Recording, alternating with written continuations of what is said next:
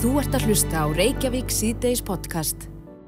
Ein af fréttum vikunar þegar maður lítur svona við farin veg er stóra kattamálið á Akureyri mm Mhm. þar sem að bæjaráð Akureyrar samþykti að að banna lausagöngu katta í sveitafélaginu frá, er það ekki 2025? Jú, og það er ansið skipta skoðanir um þessa ákvörðun. Mhm. Mm Sko, þetta var nú samþýtt þarna með miklu meirluta. Já. 7 af 10 eða 11 held ég sem að kusu með banninu.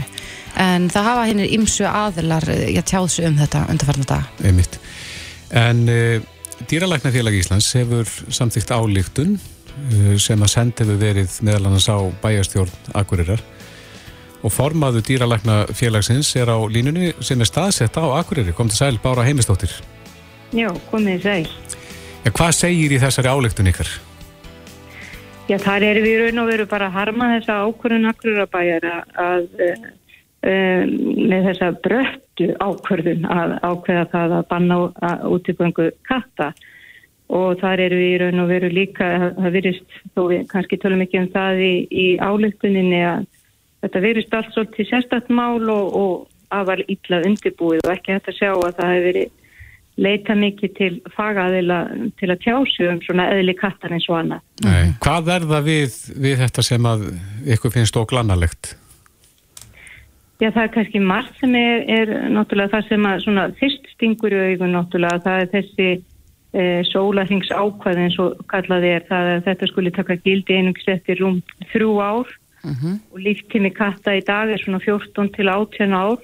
Uh, þannig að fyrir kött sem er búin að uh, fá að vera frjálsferða sinna þá getur verið afar erfitt að venja ná það að ver, vera inni köttur. Þó að það eigi við einstaka kött þá er það algengar að það sé erfiðar að venja kött á að vera einungi sinni og sérstaklega hann er búin að fá að komast upp með heitt Já. og við höfum áhyggjur af því að, að, að þetta geti leitt til þess að, að eigandin hann verið settur í afar erfiðastöðu það geta komið upp ímis vandamál með kísa þegar áfór og lokan inni hegðuna vandamál og annað sem getur leytið þess að hann þurfi jafnvel að taka þá ákvörðuna að láta svæfa dýrið eða, eða koma því fyrir utan bæjarins. Akkurat. En það hljóta nú að vera einhver rauk fyrir því að banna lausagönguna. Er, er þetta að ykkar mati sterkari rauka að hlýfa þeim dýrum sem nú þegar er búa fyrir norðan? Já, sko rökin uh, með því að banna, banna uh, lausagöggu katta hafa stundu verið þetta varandi veiði kattana á eins og ungum og fugglum Mm -hmm. og það er alveg mjög skiljanlegt að það séu þarna skipt á skoðanir. Það er bara svo margt þetta að gera til að minka uh, það veiði getur kattana og það hefur verið svo miklu skinsamleira og, og í raun að verið raunsæjara að horfa á þær leiðir. Eins og til dæmis það bara að, að, að hérna para í það að, að fræða eigandanum það hversu mikilvægt það er að köttunum sé með bjöllu eða kraga, þessi kragar, trú, trúðakragar eins og við köllum, þeir eru mjög hérna, öflugir með það að það er talið að eða geta kattana, uh, hún alveg farið niður, um, niður í þrjá fjóruða því sem þeir höfðu fyrir. En skiptir það einhverju máli þegar um óflega ungar að ræða sem að þeir bara týna upp úr reyðrunum eða, eða þeir er detta úr reyðrum þessir ungar? Já, alveg rétt. Þetta er í raun og veru uh, lífrikju okkar sem að er, er, það er allavega verið að draga mjög mikið úr því sem að, sem að kissi getur veikt. Mm -hmm. Við verum líka að muna það að við erum með þó nokkuð mikið að villikvöldum. Uh, húskvöturinn okkar eins og hann er í dag, það er rosalega misjamt hversu mikið veiði eðlilegar orðið eftir í honum. Sumir þeir að hafa mikið veiði eðli en margir hverjir eru orðni latir og eru einfallega ekki mikið að veiða. Nei. En aftur á móti villikvöturinn, það segir sér sjálft að hann þarf að veiða sér til matar. Mhm. Þar ertu mik með miklu öflugra ef, ef að við höfum áhugjur að því að, að þetta komi niður á lífreikinu að, að, að það ertu með miklu öflugra verkfæri að ráðast í það að taka á, takast á þeim, taka á þeim stofni. Já, e ef að þetta verður reyndin, finnst ykkur eðlilegt að það sé eitthvað sólarlags ákveða þarna inni, þannig að þeir sem eru vanir, kettir sem eru vanir að vera úti, að, að þeir fá að klára sinn líftíma þannig? Já, það væri mjög, mjög eðlilegt og það er alveg kannski frá apríl fram í júni, júli að loka köttin inni jafnvel frá klukkan 5 til 9 á mótnana, þá eru þeir mest uh, í að veiða það, það myndi skila miklu. Frá 5 til 9 á mótnana, er það veiði tíminn? Frá, frá, frá 5 uh, síðdegis uh, og, og til 9 morgunin eftir. Þa, það myndi skila miklu varandi. Það, það er sá tími sem kísi er upplugustir í að, að reyna að veiða, þeir sem er að veiða. Af hverju er það, veistu það? Já, það er bara eitthvað ég eðliður að kannski eitthvað, nei, ég er sem er ekki alveg með það á reynu en er, þetta er alveg eh, búið að kanna þetta og þetta já, er til dæmis tala fuggla þeir sem eru með fugglavend í huga um að -hmm. þetta er mikilvægt og svo verður líka að hafa það í huga að köttur sem að fær þó leiði til að fara nokkra tíma út á dag það gerir heilmikið fyrir hann já. það að loka hann inn í allan sólaringun og hann fá aldrei aftur í raun og veru að fara út nema kannski í lítið búr, uh, afmarka búr og ekki að sinna þessu eðli sínu og þörfum, mm -hmm. það, það getur haft miklar afleðingar. Ja, þannig að þið hefðu viljað sjá bæ, bæjarstjórnuna Akureyri fara svona já, ákveðin milliveg í þessum öfnum. Já, já, alveg klálega og það sem að væri nú kannski bara gott að byrja á að gera, það er að fylgja eftir þeim samtíktum sem eru í, í sveitafélagin í dag. Samanberð þetta, þetta með villikettina, samanberð þetta með að láta örmerkja dýrinsinn og það að brína fyrir fólki að það eigi að nota uh, ólar um háls til að varna þau að þeir geti veitt uh, fjöldi uh, dýra í hverju á hvern eiganda og annað. Hefum, og til dæmis þetta með útgöngubann á vissum tímabili, það hefði verið miklu eðlilega að byrja þar. Og svo kannski með tímanum þá gætu við séð það að, að þetta reynist bara ágætlega og þá þurfum við ekki að fara lengra. Nei. Eru dýralæknar samstíga í þessu?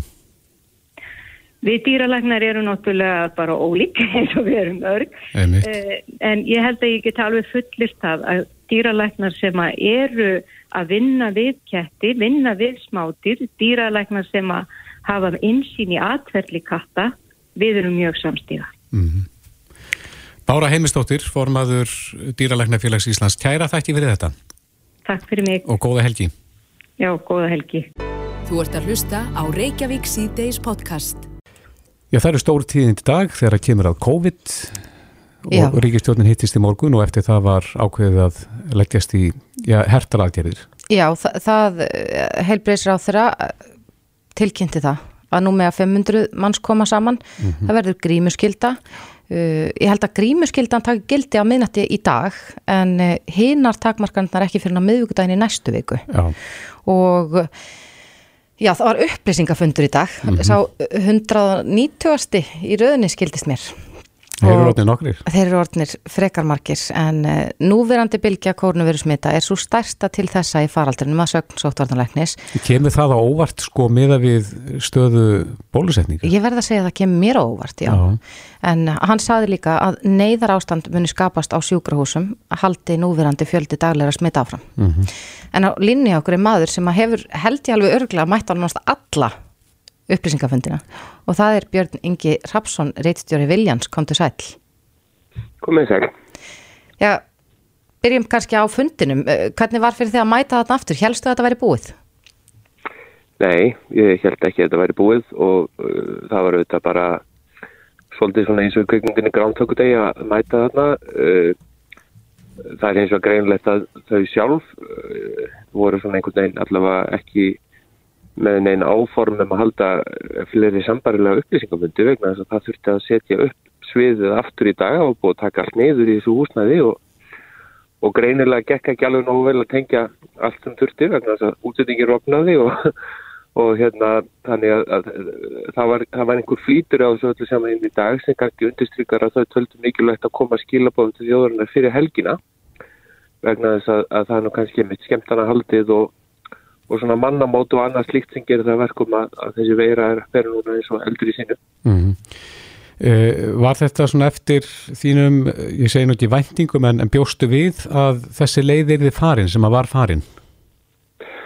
Uh, sko þetta er mjög flókið mál. Það er greinilegt að þrýegið og þórólfur uh, vilja ganga miklu lengra heldur ríkistjóðinu núna. Það fer ekkert að melli mála og Þórólfur sagði á þessum fundi uh, sem ég veit ekki hvort þjóðin heyrði eða hvort hann heyrði þetta í dag að fyrir upptakan er vist til að, að, að, að húnum hafi stundum fundist hann vera hrópandin í eðumörkinni Uh, staðrindin er svo að ef að, ef að sóttandarlækni telur að þau þurfa að grípa strax til aðgerða til þess að forða neyðar ástandi að þá þarf að gera það. En það sem ríkistjónin tilkynnti í morgun er ekki þannig. Mm -hmm. Grímuskyldan tekur strax skildi við tilteknar aðstæður en uh, að öðru leiti taka breytingarna gildi á miðugudaginn í næstu viku sem er þá þetta nokkur dagar hanga til mm -hmm. og Sigurður Ingi formað fransamflokksins og, og helbriðsáþur að sögðu bæði í, í viðtölu morgun að þetta væri mjög vægar aðgerðir sem eru alveg rétt hjá þeim mm -hmm. en það sem Þórólur þrýegið var að kalla eftir á fundin voru ekki vægar aðgerðir þannig að það er ekki samhljómur þannig á milli og ég held að þrýeginu finnist að þau hafi ekki lengur uh, nægan stöðningi í stjórnmálunum. Þetta er líka flókin staða, það er verið að mynda nýja ríkjustjórn. Uh, Ráþurann sem að feð með helbriðismálinn, uh, það við veitum ekki hvort hún heldur áfram. Hún sagði sjálf eftir ríkistjórnahundin að það hefði verið mjög deildar meiningar einna ríkistjórnarinnar um þetta og þetta veri hennar ákverðun og hennar ábyrð sem -hmm. er í mhm. fyrsta sinn sem að helbriðisráþur að tala þannig. Það var alltaf verið sagt ríkistjórnin stóða þessu saman, það er einingina ríkistjórnarinnar, þetta var alveg þetta var alveg ný nálgun og, það sýnir auðvitað hversu viðkvæmt þetta máli er allt saman en það eru allir hundleiðir á þessu og, og það er ekkit gaman að vera enn og aftur komin í þessu stöðu. Nei, en Björn ekki, sko síðastlega tvo daga hafa 319 einstaklinga greinst með COVID innanlands og þetta er þetta met, við erum að slá hvert meti á fætur öðrum hérna undanfartan daga. Hvers vegna ætlaði að sé að þessar takmarkana taka ekki gildi fyrir en sko meðvíkudagin í næstu viku ef að útbreyslan er svo mikil? af því að ríkistjóðun hefur meira áhugjur af fólkinu í landinu og við horfi almennings heldur en því sem þrý ekki segir um þessar myndir. Það er alveg greinlegt. Eh, það eru svo skipta skoðan innan ríkistjóðunarinnar og í stjórnmálunum um þetta. Hvað á að gera? Það var búið að segja okkur að, að landið er því miklu frjálsara eftir að allir færi bólusetningu og við fórum, eh, vorum dugleira að færi bólusetningu heldur en flestar eða nokkur önnur þjóð og niðurstofan er að við erum samt að horfa upp á stærsta smitdag eh, síðan að faraldurinn fór á stað. Hvað segir það okkur? Það er líka gerast eh, erlendis. Þjóðverjar voru líka að setja met og menn er að vakna upp við þann vondadraum að það er líklega að hefjast nýr COVID-vetur sem að gæti orðið jafnvel erfiðara heldur en hinnir tveir sem við erum búin að upplifa og það er, það er mjög erfitt að bara meðtaka er upplýsingar satt að segja fyrir alla held ég. Mm, en hvað heldur að valdi því að núna þegar að bróðupartin og þjóðin er, er bólusettur að, að við séum samt að horfa upp á þessar mettölur? Af því að ég held að við séum öll eh, einhvern veginn pínlítið hægt að passa, okkur og svo virkuðu bóluöfnin greinilega ágætlega gagvart því að verja okkur fyrir alvarleg veikindum nefnum þá tildekinn hluta auðvitað mm -hmm. en þau virka ekki vel uh, gagvart smiti og það, þau valda miklu vonbröðum í því og Þórólur hefur sagt það sjálfur og hann, hann er núna hvetið okkur til þess að taka þriðja skamtinn og ég spurði á fundunum uh, og hann var að kvart yfir því að, að það væri dræm, dræm viðbröð við þeirri beðni og ég spurði hvers vegna ætti fólk að, að fara í, í þriðju spröðuna þegar að, að hinnar tvær hafa ekki virkað betur heldur en römbervittni uh mhm. -huh. og hann auðvitað segist bara vonast til þess að, að þriðji skamturinn getur orðið til þess að við náum þessu langþráða hjarðónami en hann viður kennur auðvitað eins og aðrir vísindamenn að hann vitið ekki, hann er bara vonaða hann er að vona það besta. Og það er auðvitað svo sem er rauninni það eina sem við getum gert það heldur allir helstu vísindamenn heims að þessi faraldur gengin yfir en hann er ekki gengin yfir, hann er að sækja sér veðrið á heimsvísu. Akkurat, en hvernig heldur þú að, að eh, landsmenn muni taka í þessa örfunar eh, bólusetningu? Nú er búið að gefa þá út á 160.000 verða bóðaðir núna fyrir áramót í örfunar bólusetningu. Heldur að, eins og hefur oft verið talað um, heldur að Þórulis er búin að missa salin eða mun fólk mæta?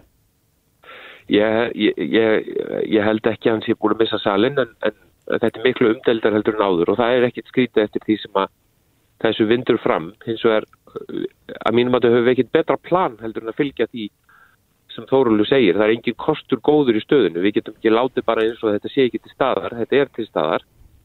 Að mínum að þau hafa stjórnvöld og, og við öll bara sem samfélag klikkað á því að gera landsbyttalan kláran í þennan slag. Það kemur í ljósum að skoða tölur að við erum með miklu færri rými, gjörgjæslu rými og annað heldur við vorum fyrir 10-15 árum og við, við erum miklu, miklu fjölmennari núna og, og það er bara ekki bóðlegt og, og, og við sjáum að mikið af þeim ráðstöfunum sem verður að grípa til er til þess að forða neyðar ástandi í helbriðiskerfinu á spítalanum og uh, nú eru gjörgjæslurímin okkar að fyllast á í Reykjavík og Akureyri. Það er bara ekki nógu gott ástand og það er þess vegna sem við höfum svona miklar ágjör af þessu. Það er ekki endil út af fjölda innlagna. Það er ekkert mjög margar með það hversu margir er að fá þetta sem betur fyrir eru lang flestir að sleppa við alveglega veikindi og ef við hefum unnið heimavinnun okkar uh, varandi landsbytalan að þá þyrftum við ekki verið að grípa til þess að aðgera núna. Já, Björn Ingi Hrapsson, reittstjóri Viljans, við skulum sjá hvernig þessu vindur fram. Kæra þakki fyrir spjallið og góða helgi. Sumulegis. Þetta er Reykjavík C-Days podcast. Jæja, Reykjavík síðdeis á bylginu heldur áfram en uh, við ætlum aðeins að snú okkur að dagskrástöðu á tvö. Já, ég veit að fjölmarkir fylgdust með fyrsta blikinu á stöðu tvö. Já, ég gerir það meðal annars. Ég líka. Mjög skemmtilega þetta. Sko, ég hef verið þekkt fyrir það að gráta aldrei Nei. Yfir sjónvarpi og sömur hafa kallað mig stálhjarta mm Mhm. oftar en einu sinni meira þess að en ég grét og grét í, í loka þettinum ég ætlum kannski ekki endla, ég veit ekki hvort við séum að spoila með því að tala eitthvað um hann en allavega ég fór að gráta, Mhm. það voru gleðitár Já, en uh, nú var að koma í ljós að það verður önnur serja af fyrsta blikinu já, þannig að það þarf að fara að leita þáttækandum vantilega. Ég held það og hingað er komin ásan inn að Petistóttir þáttastjórnandi kom til sæl Sæl og blessið, takk fyrir að fá mig. já, spennandi og til hamingju að það sé að koma önnur serja Takk fyrir það. Já, þetta er virkilega spennandi. eru það að fara að leita nýjum þáttakendum? Já, í dag þá uh, vorum við bara að opna fyrir umsóknarferðli. Þannig að núna getur hver sem er farin á vísi og freista þess að hérna, sækjum Já, í hver, þættinum. hver eru skilir Skilin eru í rauninni mjög, mjög fá, já. vera lausu eða vera að fara að skilja? Nei, Já. tjók. Skilin eru bara að þú þarft að vera komin, þess að vera tvítugur eða eldri og við erum að leita eftir öllum kynjum Mm. og uh, við erum að leita eftir öllum aldri og í rauninni bara uh, erum við að leita eftir kannski eins og svolítið sást í fyrstu seríunni, við erum með rosalega fjölbreytta flóru af fólki og það er það sem að við vorum svona kannski ánægist með var það hvað bæði við fengum fjölbreytta þáttakandur alls konar fólk, allan aldur og viðbröðin sem við fengu voru svona þannig að það var greinlega mjög breyður hópur fólks að horfa. Mhm. það var fólk að hafa fjölskyldi kvöld þú veist, með þeimara banninu sínu og mömmunu sínu og veist ekki þannig að það, ég held að það hafi verið svona það sem að kannski kom okkur hvað mest á óvart og glatt okkur alveg rosalega mikið. Eru þið mörg sambund til úr þessum þáttum? Heri, það var hérna grátu atrið sem hún var að lýsa, hún Já. Þórdís. Ég hérna tekundi það, ég horfði að þáttum þrísásunum áður en hann fór í loftið og ég greitt í öll skiptin í lokin. Það var svo fallegt. Já, sérstaklega kannski að ég náttúrulega náði að kynnast þeim aðeins og vissi þetta aðeins áður en að þátturinn kom og þurfti einhvern veginn að halda þessu lindu og þau voru mjög góð að halda þessu lindu hérna sambandinu sínu. Við erum Þannig ekki að spóila. eitt par út úr Sko það kom eitt par en það fóru nokkrir að hittast aðeins. Já, Svo er það bara eins og, eins og, eins og gengur að gerist að það er einhvern veginn, smellur ekkert alltaf allt og í rauninni ekkert rosalega kannski raunhæft þannig séð og para saman 12 eh, pör 12-14 pör að það verði par úr því. Þannig að þetta var svolítið svona eins og hann lísti því hann Garðar sem að hérna e, var parað saman við henni Helgu að hann hafi lístið sig eins og hafi verið unn- vinna í lottói. já Hann var það með En þetta. nú hafið þið farið í gegnum þetta umsóknarferðli áður Var Já. einhver svona ákveðin hópur sem að vantaði sem voru færri þáttakendur eða færri umsækendur en þið hefði viljað? í, sko, það kom í fyrsta leið rosalega óvart hvað- hversu margir sóttu um í fyrstu seríuna. Það voru yfir 1200 umsækjendur og, og kynni hlutvalli var jæmt sem var sko ótrúlega, kom ótrúlega mikið óvart. En kannski að eldri karlminn voru aðeins ragari við. Það eru eitthvað tækni heftari hjá okkur, hjá okkur kallarnir. held ég eitthvað svona aðeins held ég bara feimni mikil áhuga fengur fullt af fyrirspurnum og það er kannski líka það sem við erum að eh, benda svolítið fólki á núna, þau getur sendt okkur fyrirspurnu gegnum Instagram okkar fyrsta blikið og líka bara sendt okkur tölupost En það vakti aðtegla að mamma einn var í fyrstu seríunni. Heyrðu, já Var það erfiðast í þátturinn? sko, tilfinnilega fyrir mig, já, mamma mín erum alveg rosalega nánar, ég er enga bad Já. og ég úlst bara upp hjá mömmu aðalega. Og, og hérna, við erum rosalega nánar, ég er mjög náið, náið samband og hérna, hún er náttúrulega bara eh, algjörlega indisleg og þetta var svona svolítið stórt skref bara líka fyrir mig og ég var svo stressu sko ég var nefnilega, hérna, maður er stressað fyrir öll stefnumótin, maður tengist fólkinu svo mikið en þarna að, að einhvern veginn, það var svona til, ég fekk einhvern veginn alla tilfinningarna sko. Var, var þetta, snýrist þetta við? Varst þú svona eins og mamman að Já, ég var alveg, mamma, mamma var alveg sko, hún, eins, eins og fólk sér sem horfður á þættina, hún var poll róleg. Hún var líka bara alveg ótrúlega fyndin og hún skemmtileg. er, hún er bara algjör snillik hún var pollróli og hún var svona aðeins bara henni fannst bara hluti gaman að því að sjá mig aðeins engja, engja stömm en hún sagði líka við mig ása mín, manstu þegar ég var að skipta mér ástamálánu þínum? Hvernig fannst þið það? En ég hef svo var- mikið veltið fyrir mér eftir þáttir með mömmuðinni, er ekkert farin að farin að rigni við þið fyrirspurnir eftir þáttin. Það sá allir hversu geggjum hún var og, Og að já. Já, sko ég, er hún enn á lausu? hún er nefnilega ennþá á lausu. Fyrir áhuga sem að þá er hún á kanari núna. Er ekki einhver Íslendinga bara þarna sem getur Jú, sigað mönnum þangað? Já, hún er, hún er allavega, ég get lofa lottovinn ekki þar. Já, en þeir sem hafa áhuga á að eh, já, skrá sig til leiks eða sækja um, eh, þú segir um að fyrir ná vísi, og verðin að vísi að við vorum að byrsta grein núna þar sem að er linkur inn á umsókna síðuna og, og þú getur, sagt, og ég er með hvet fólk til að, senda mynd af sér. Það auðveldar okkur þegar við erum að flokka umsókninnar og svara öllu bara svolítið skýrt. Og þú getur sótt um fyrir vin eða ættingja.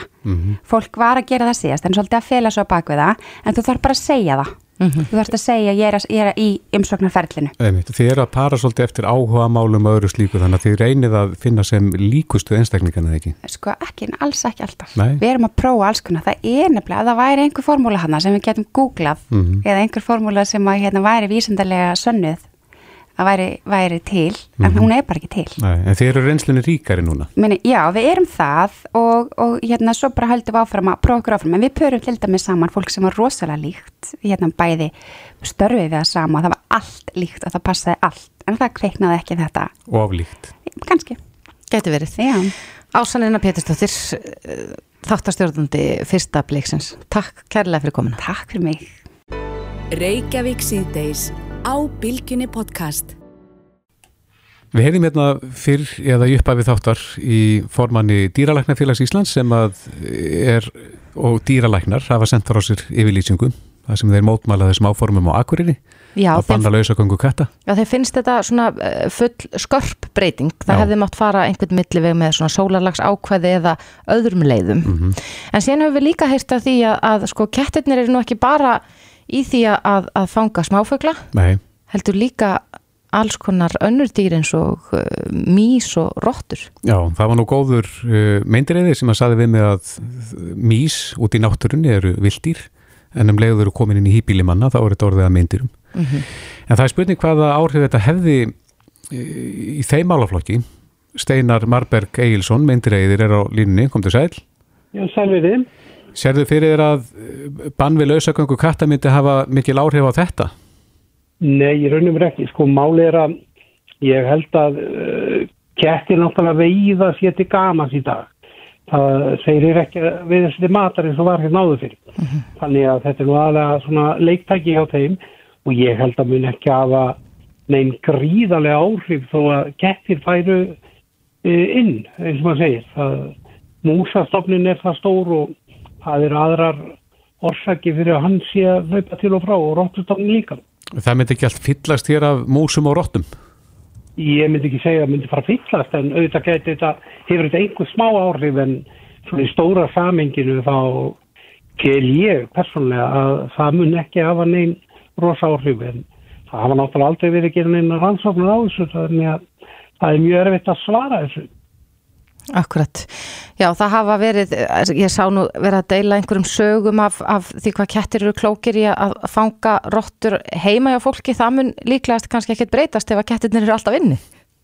Nei, það myndi ekki gerast en við erum nátt okkur því að kettir eru með bara veiði eðli og ég náttúrulega er daldi, ég bæði með kött og hunda þannig að ég er búin að vera með inni kött sem að varð sér út í köttur þannig að ég persónulega finnst að við eigum ekki að vera að taka svona uh, fram fyrir hendur og náttúrulega lífa þessu bara vera áfram eins og þetta er, ég held þetta eh, þegar upp í staði, þetta er ekkert rosalegt vandamál, Nei.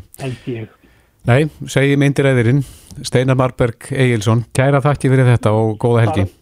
Þakka yfir ykkur. Reykjavík síðdeis á bylgjunni. Núna undarfartna daga, vikur og jafnvel ár hefur verið mikið rætt um, um kynferðslegt ofbeldi Já, í flestum miðlum og eh, í morgun voru fulltrúar öfga í viðtali, viðtali í bítin á bylgjunni. í gerfa Sigur ekki Guðjónsson, það, fæsturættilega það. er verið að svona kafa ofan í þessi mál og enda eru uh, ja, hún skiptist svolítið, mér finnst þessi umræða mjög mikið skiptast í, í svona andstæða fylkingar. Það er einn á móti hinnum en eitt af því sem að Sigur G. Guðjónsson sagði í bítinu í gær var það að, að ja, það vanti kannski eitthvað svona millistig í, í, við erum annars verið með samfélagsmiðla þar sem að fjölmargir þólendur hafa stíið fram og sagt frá ofbeldi sem að uh, þeir hafa orðið fyrir og svo erum við með, með domstólan og réttarkerfið okkar Já, vant eitthvað þar á milli. Já, og það hafa fleiri vakið aðtikli á þessu meðan Helgi Gunnlaugsson afbrotafræðingur og ég las á Facebook síðu Ingiberga Soluna Gísladóttur í gæra að hún var í raun og verið að gaggrina það að, að við sem sko einstaklingar í samfélaginu erum alltaf sett í eitthvað ákveði dómarasæti þegar að uh, svona máli eru reynt að útklæða þessi máli gegnum samfélagsmiðla eða fjölmiðla. Já, svona eins og ofti talað um domstól götunar. Já, en hinga til okkar er komin Margrét Valdimarsdóttir, félags- og afbrótafræðingur og lektor í lauruglufræði við Háskólan Akureyri. Dósent. Dósent, Núna, ég var lektor því ég talaði við síðast, nú er ég dósent. velkomin, dósent. Ég er að stíga upp hérna. Næst þegar við tölum samanverðan professor. já, já, já, já. En Sæl Margrét, takk fyrir Sæl. að koma. Takk fyrir að bjóða mér. Um, þú heyrir hvert vorum að fara með þessu Já, þessi, þessi spurning um hvort að það ætti að vera einhvers konar millistig til þess mögulega líka ef við erum að tala um brot sem eru uh, jafnvel ekki refsiverð eitthvað sem er svona á gráu svæði eins og kveikur orðaða þegar menn hafa mistíð sig Mhm. uh, hvort það ætti að vera einhver, einhver farvegur fyrir slík mál, einhvers konar sáttamilun Já, og ég held að þetta sé bara hár rétt og ég myndi gefa slíku mitt atkvæði og, og sérstaklega þessi hérna, hugmyndu sáttamiðlun og hún er sko uh, vel þekkt bara hérna, sem svona ágættisleið til að að kljást við brot sem er mitt falla ekki vel að réttakjærunu vegna þess að, þau eru ekki hérna, falla ekki undir refsi lögjöf eða vegna þess að það er bara svo erfitt að, að sanna þau að því að það er þannig í réttakjærfinu að það verður að vera hafið yfir allan vafa að sá ágjörði hafi sannarlega framið brotið og við viljum hafa það þannig. Og, og þá kemur þessi sáttarmiðlun sem er það, hérna kallu restorative justice á ennsku og er bara frekar virt í mörgum löndum í kringum okkur. Og þá er það þannig að í þessari sáttamilun er lögð áhersla á réttlæti en ekki refsingar. Af því að það er almennt talið að sko þrátt fyrir að það að refsa einhverju mögulegum geranda geti kannski gefið samfélaginu held og mögulega einhverjum þólendum einhverja svona huggun eða jável útrás svona til skemmri tíma séð sko að þá eru refsíkar kannski ekki mæliðasta leiðin til að, að kljást við brot eða árangursríkasta leiðin ef að við metum árangur í að fækka brotum. Og þá er þetta með réttlætið uh, sem er lögð áhersla á og þá er það sko það snýst um að sá brotlegi átti sig á þeim skada sem hann hefur valdið, taki á því ábyrð, gangist við brotinu og bæti fyrir það séða mögulegt. Er það ekki akkurat, það er mikið verið talað um það í tengslum við kynferðsbrot að helsta þörf þólenda er svo að, að gerandin gangist við því að hafa brotið á viðkomandi. Já, og sko þessi svona sáttamilun virkar oftast þannig að, að sko þetta er á, gert á forsöndu þólenda og þólendi til dæmis hefur algjörlega stjórn á því hverjir mæta í þessa sáttamilun og í sumum tilfellum er það til dæmis þannig að þólendi segir já ég vil hérna, ekki karlmann eh, engan karl að því að gerendu geta líka mætt með fjölskyldumeðlimi og vini sína með sér svona til stuðnings. Og þólandi getur sagt ég vil enga karlmenn. Og jú, akkurat og, og hérna e, þá byrjar þólandi á að lýsa afleðingunum til dæmis, já ég hef upplegað sveppleysi, ég er hérna þingdartap og mér hefur liðið mjög illa, ég hef átt erfitt með að vera einn og, og hérna og í kjölfarið e, þarf brotlegi að, að hérna taka ábyrg, segja ég skil, ég heyri að, að þú hefur upplegað þessar afleðingar, þetta var mér að kenna, þetta var ekki þér að kenna og gerandi getur mögulega svona talað um einhverjar svona mögulega grunn orsakir en þá verður að aðgreina að hann sé að tala um einhvers konar skýringar og réttlætingar að því að þólandi vill ekki heyra neina réttlætingar fyrir brotinu. Mm -hmm. En myndi svona, uh, var þetta kallað millidómstig eða undir hvaða apparan myndi þetta heyra? Í er þetta dómstóll eða? Nei, sko í sömum tilfellum er þetta svona hérna, sjálfsegna stofnarnir sem að E, í raun að veru sjá um þetta. Í sömum tilfellum er þetta svona milli dómstig og það er mjög mismunandi en venjulega er það ekki sko það er ekki starfsmaður dómstóla eða réttakerfisin sem sér um þetta heldur er það einhver þjálfaður einstaklingur í svona sáttarmiðlun oft félagsrákjafi sem sér um milligönguna Hefur ekki verið svona e, undir hérna síslumönnum hafa þeir ekki verið með eitthvað skonar sáttamilin þegar það kemur að sefjamálum? Jú, veist, ég þekki það ekki vel á Íslandi hversu mikið, hversu virt þetta hefur verið en, en, hérna, en þetta er algengt eins og Erlendis og, mm. og, hérna, og þá er það mjög mismunandi hverjum er falið að fara með þetta. Mm -hmm.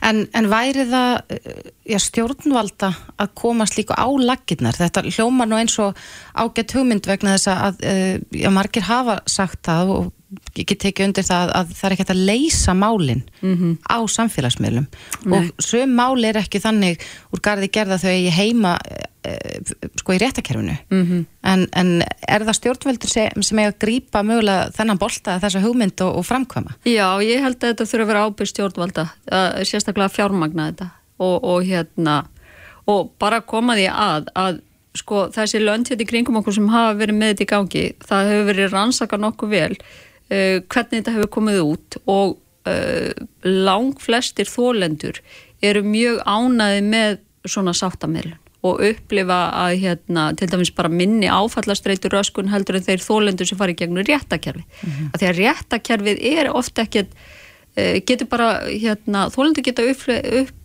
upplifa annað áfall í dómsal til dæmis að vera spurðir óþægilega spurninga og mögulega löngu eftir að brotin hafa átt sér stað löngu eftir að brotin hafa átt sér stað og líka það sem er áhugavert í þessu er að gerendur sem hafa farið í gegnum svona þátta, nei sáttamilun eru ólíklegri til þess að endurtaka brotsín þetta dregur úr ítrykkunatíðni heldur en þeir sem farið í gegnum réttakerfi mm -hmm. Hvað myndur við vilja sjá fyrir þið núna? Hvað á að gerast? Hver, hver á að taka bolta núna? Nýkjörið alþingi? Já það held ég, alþingi mm. þyrti að sjá um þetta og, og hérna það þarf bara einhver að fara að setja drauga þessu mm. ég held að þetta sé, við séum komin á þann stað Þannig stundu sagt að ekkert hafi gæst í þessum álum Ertu sammálað því? Nei, ég er ekki alveg sammálað því það er hérna bara ef við skoðum sko hérna allar þessar samfélagsmiðla byltingar sem hafa verið eiga sér stað svona allra síðustu árum og hvað hefur gerst í kjölfarið því að þær vekja rosalega mikla aðtikli en svo það sem gerist í kjölfarið kannski ekki eins mikla aðtikli að, að bara á þessu ári í februar að þá voru samtíkt tvö frumvörp á alþingi bæði frá dónsmálar á þeirra sem að, að þar sem fókusin er á svona mál sem hafa verið umræðin það annars vegar um umsátu seineldi og hins vegar um e, fríðhelgi e, hvað er að kalla?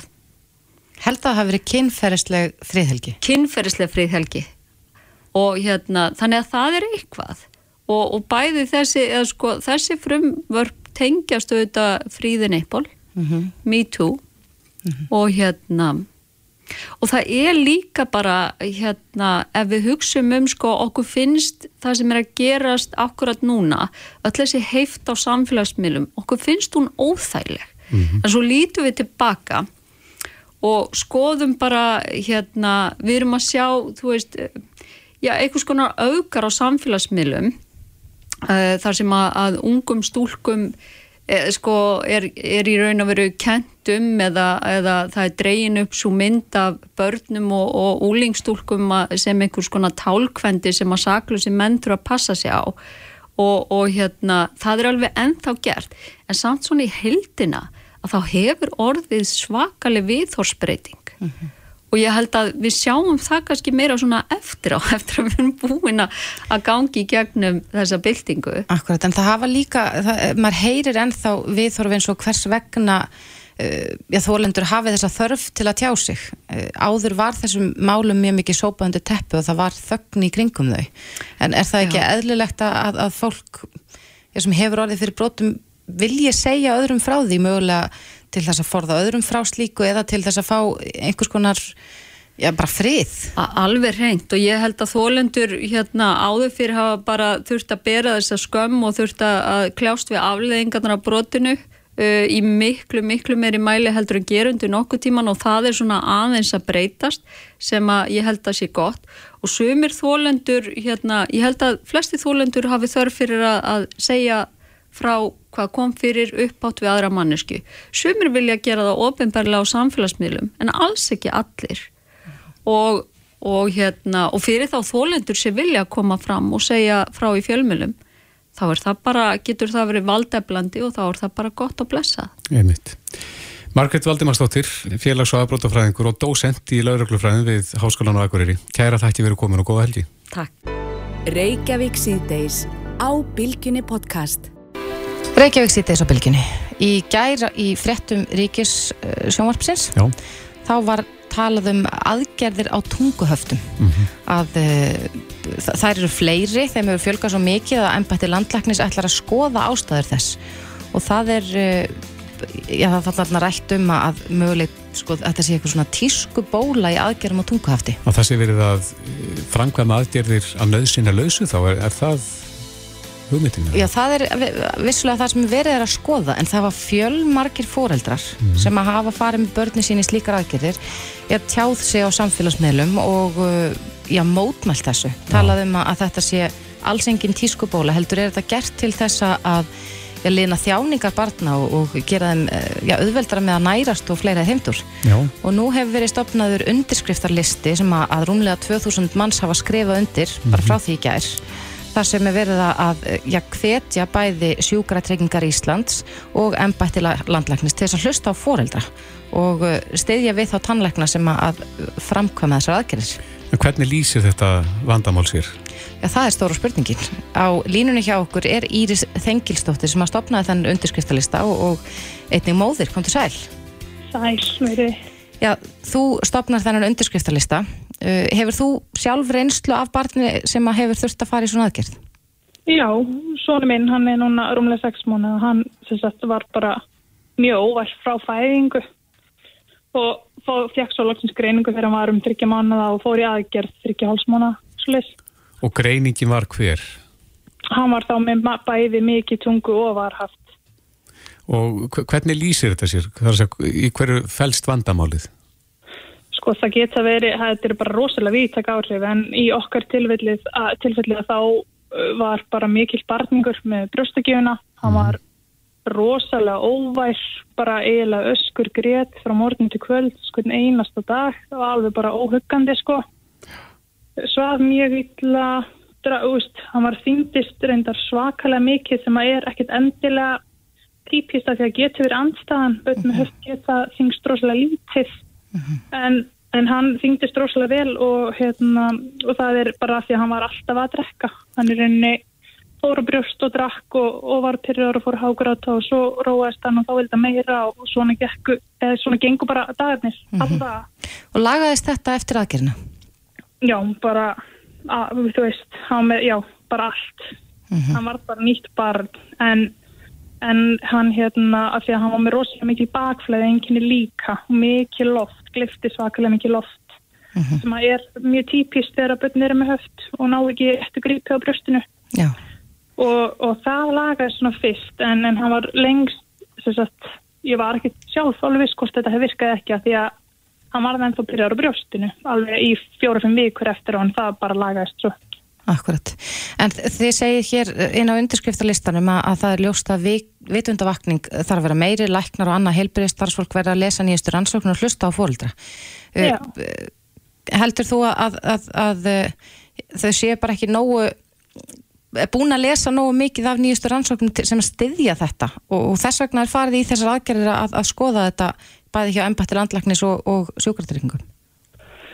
Það er náttúrulega bara rosalega erfitt að segja, maður er einhvern veginn bara að því að það er ekkert og hefur ekki gegnum tíðin að vera tilnætt rosalega mikið af rannsóknum en þeim er að fjölga og er hérna til dæmis einn bara ný flott rannsókn sem að koma út nýfrið og, og hún sýnir alveg klarlega að þetta ber árangur og hefur áhrif á brjóstakjöf sko. En maður veit ekki alveg af hverju af hverju þetta eru svona skipta skoðanir á þessu þegar bæði bæði það eru til rannsóknir sem að stiði þetta og bara reynslusögur foreldra. Maður einhvern veginn myndi halda að það myndi vega svolítið þungt sko. En, En- en, en- það er ennþá verið að segja skiluru við foreldra þegar þið farið að gera og barni lagast hvort þetta sé bara tilvílun eða þetta getur ekki að vera út á höftunum eða þú veist.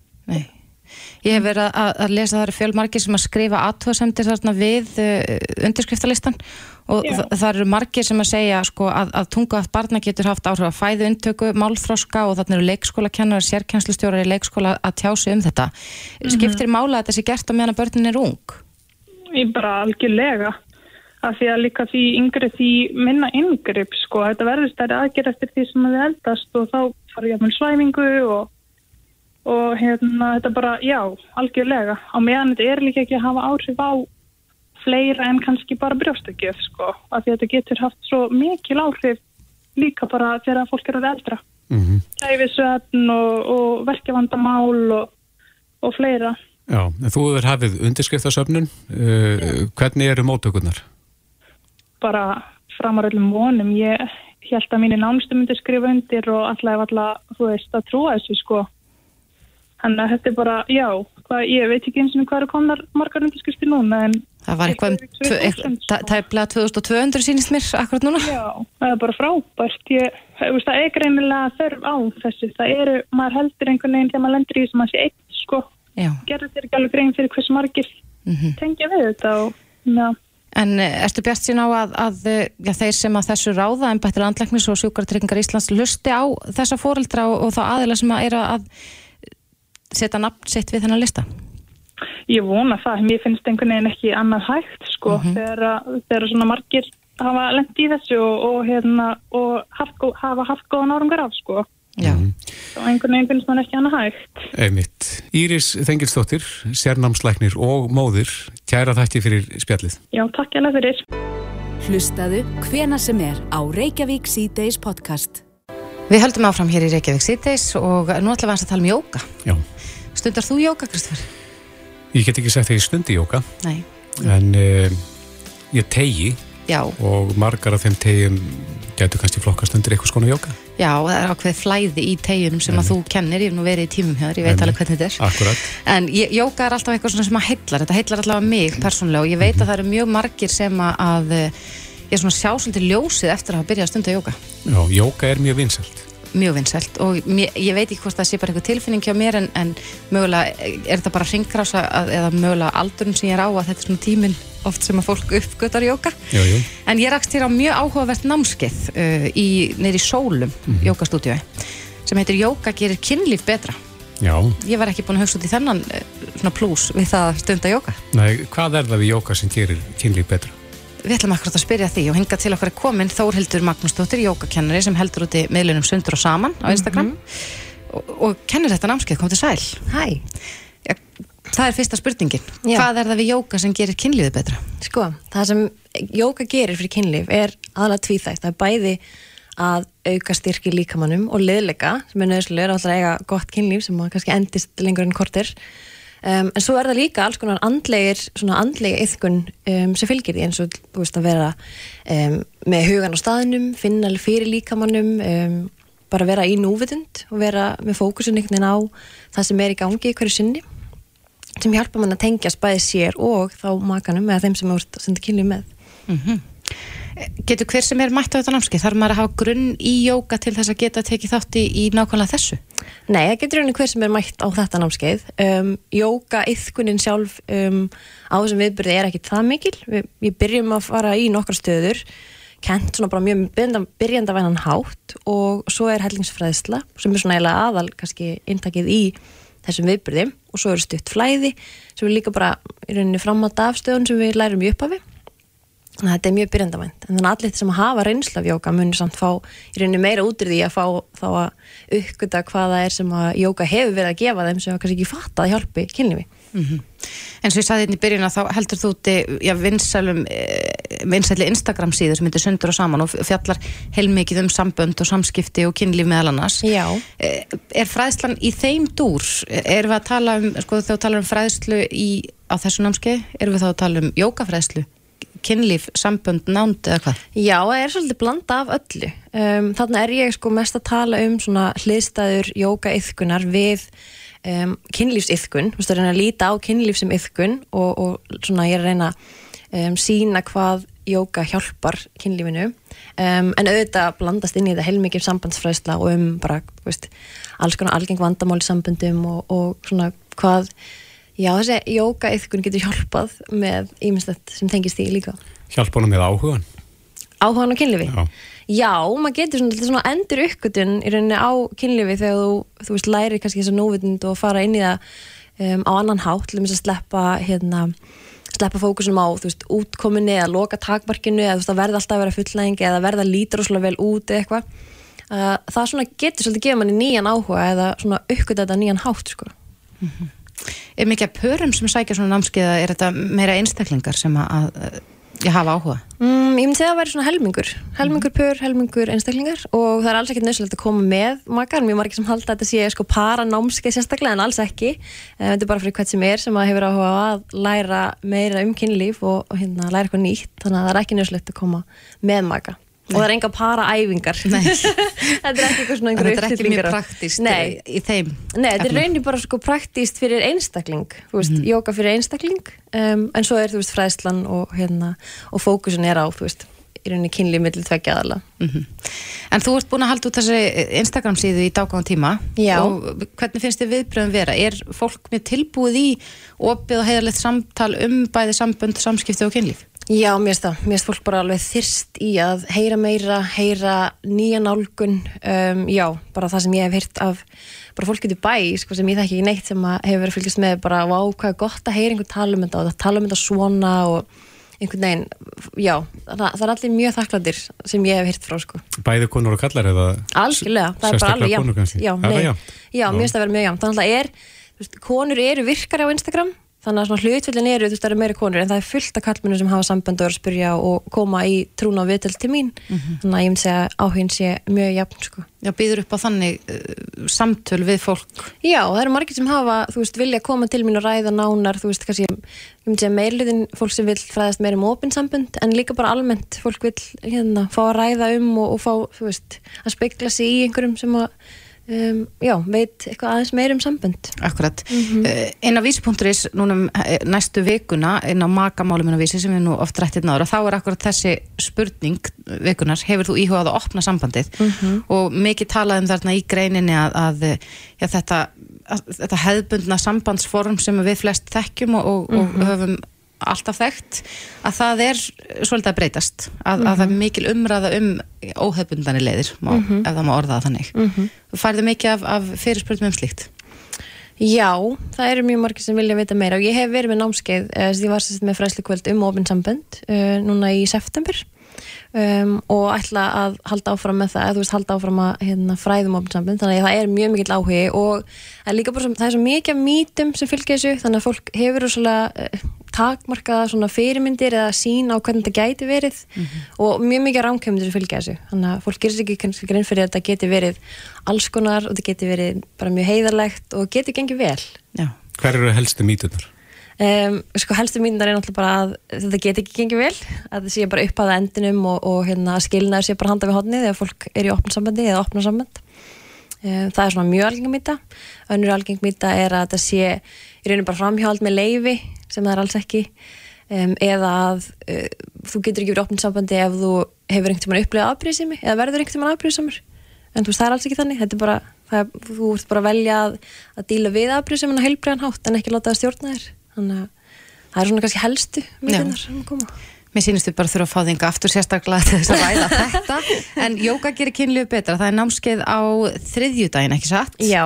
Og uh, þú sagði mér það reyndar hérna áðan að það er alveg við það að fyllast það. Já, það er svolítið lítið að plássi eftir á þetta námskeið, mér finnst mjög líkilegt í munni vera aftur með það um, en ef einhver hérna, er mjög spenntur að koma þá ég, held ég að sé alveg hægt að bæta nokkrum við um, annars verð ég með grunnnámskeið í jóka næstu helgi 13. og 14. nóber ef einhver vil læra bara jóka því að það er rauninni það sem að þú veist, er að fara að gera kynlífi betra er jóka yðkunin, þú veist að fara þannig að það er ekkit verra að læra bara af grunninn sko. Akkurat, Þórhildur Magnúsdóttir jókakennari, takk kærlega fyrir kominu Takk kærlega fyrir búið Þetta er Reykjavík C-Days podcast.